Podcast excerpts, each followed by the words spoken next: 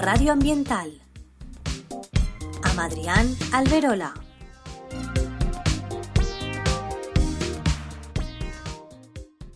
tots i benvinguts una setmana més a Ràdio Natura.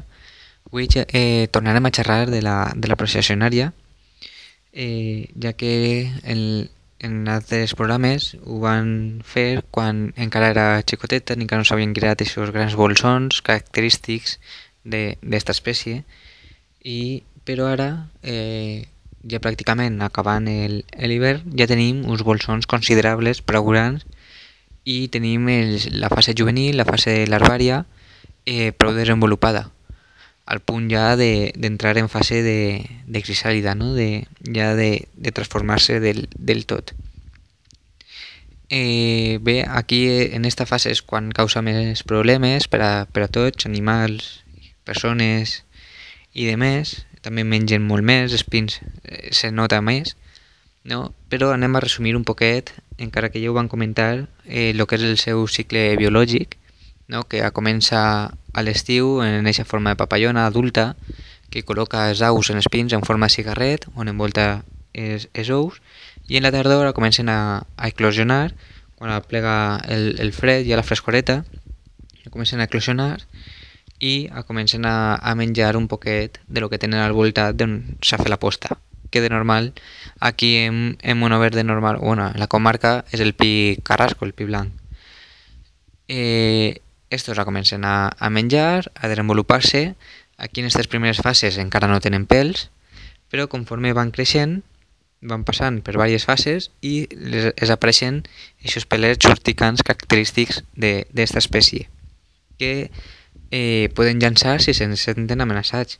Per això quan ens apropem eh, es pot picar un poquet o també l'efecte psicològic no? de que sabem que aquesta espècie eh, provoca aquest eh, símptoma urticant i per tant el nostre cap no reacciona com a que a començar a picar-nos i, i, ens a, i, i ens anem cap arrere no?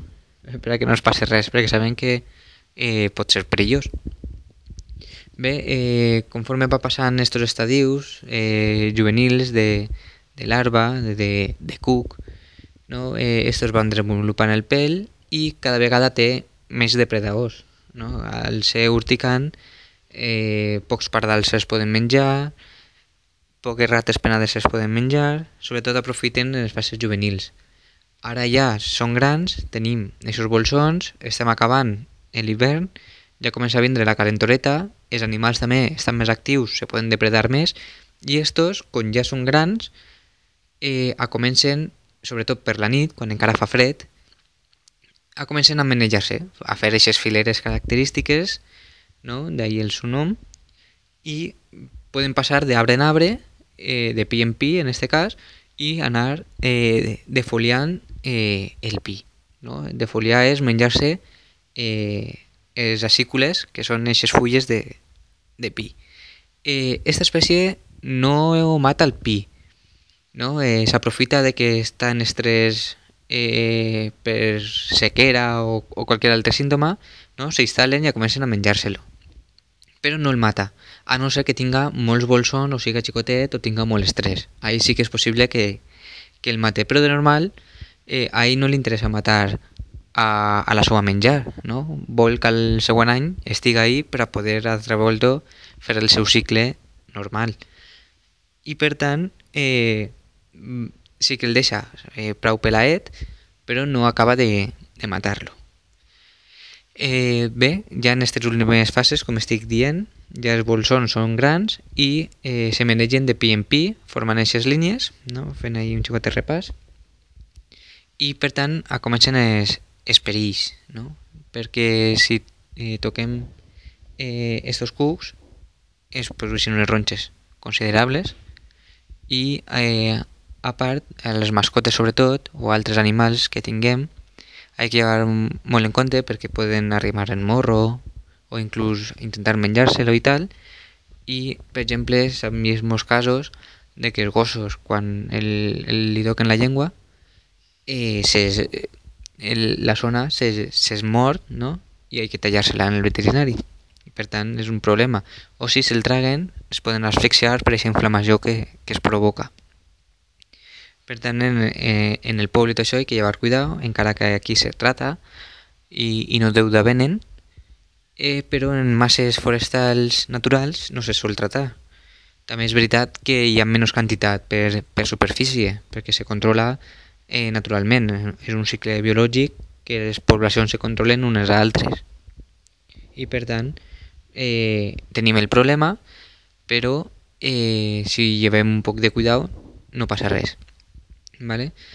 Aleshores, eh, molta cura, però ni així eh, la mascota nyugar, perquè si no la podem controlar un poc més, si sabem que hi ha probabilitat d'encontrar-nos eh, algun bolsó d'estos, i eh, de normal solen baixar per, el, tronc, aunque algunos cauen i, i s'espartixen per en terra, no?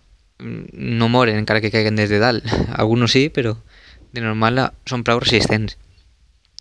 Per tant, per a previndre que baixen, es pot col·locar una espècie de, de garrafa, no? de, un, un en la qual van caent eh, per el tronc i eh, se li posa un cinturó en la que després es desvia a aquesta garrafa on s'acumulen i després eh, es podem eh, matar perfectament sense cap problema i, i no passaria res. És una forma de, de control, res agressiu per al medi ambient i a part pues, ens serveix a nosaltres també per a desfer-nos d'aixòs bolsons. Eh, ara que ja està, com he dit, a part d'eixir a menjar, també començaran, des de poc, a buscar un terreny eh, ideal per a ells per enterrar-se i formar-se la seva crisàlida. No? El, el primer que va davant és el que està buscant el bon terreny i després tota la resta eh, s'enterren en aquesta zona eh, hay depredadors que se mengen aquestes crisàlides, encara que és, tenen que desenterrar i de més, es costa un poc més, però eh, per a salvar-se eh, la processionària té un mecanisme de defensa, és una espècie de diapausa en el seu desenvolupament.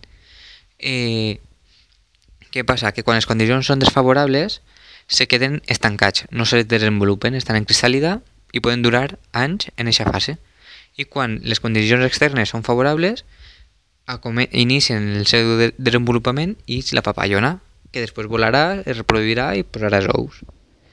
I per tant, eh, tenim eh, de la, de la processionària que fa que sempre estiga, que no se puga eh, acabar en ella, tampoc convé, perquè és una forma de controlar la població d'individus, de, de tindre recursos per als no?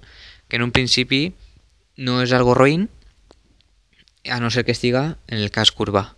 Ahí ja els problemes són més serios. Però en l'espai natural eh, ens, inclús ens interessa que, que hi hagi població de, de processionària, no en abundància, però sí que és un recurs per als altres animals i per a controlar també la població de, de pins. Els que no són aptes tindran més processionària, acabaran morint i deixant pas a altres espècies i així es controla la població també de pins, encara que en una visió més antròpica ens interessa que hi hagi un paisatge boscós i tal, no? Però de, en una forma més natural, més ecològica, pues, eh, ens interessa que hi hagi una regulació de totes les poblacions existents en aquest ecosistema.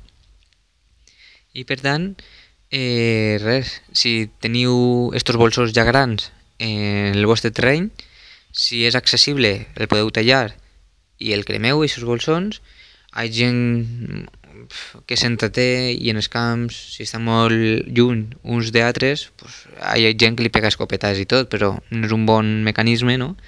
Però bueno, hi ha de, de tot. Després estan els productes químics tradicionals, que no són molt recomanables, altres productes químics però ecològics, eh, com pot ser eh, una bactèria, el, el Bacillus thuringiensis, que també acaba matant-los i no afecta a la resta d'insectes, i eh, depredadors naturals com poden ser alguns carboners, herrerillo, rates penades, eh, la puput i demés. Així que espero que vos hagi agradat i teniu molta cura amb les mascotes, inclús amb, amb les persones. I si encontreu alguna en el que és el poble, aviseu al vostre ajuntament per a que el, el traten com, com és degut. espero que us hagi agradat i es veiem en el pròxim programa. Radio Ambiental. Amb Adrián Alberola.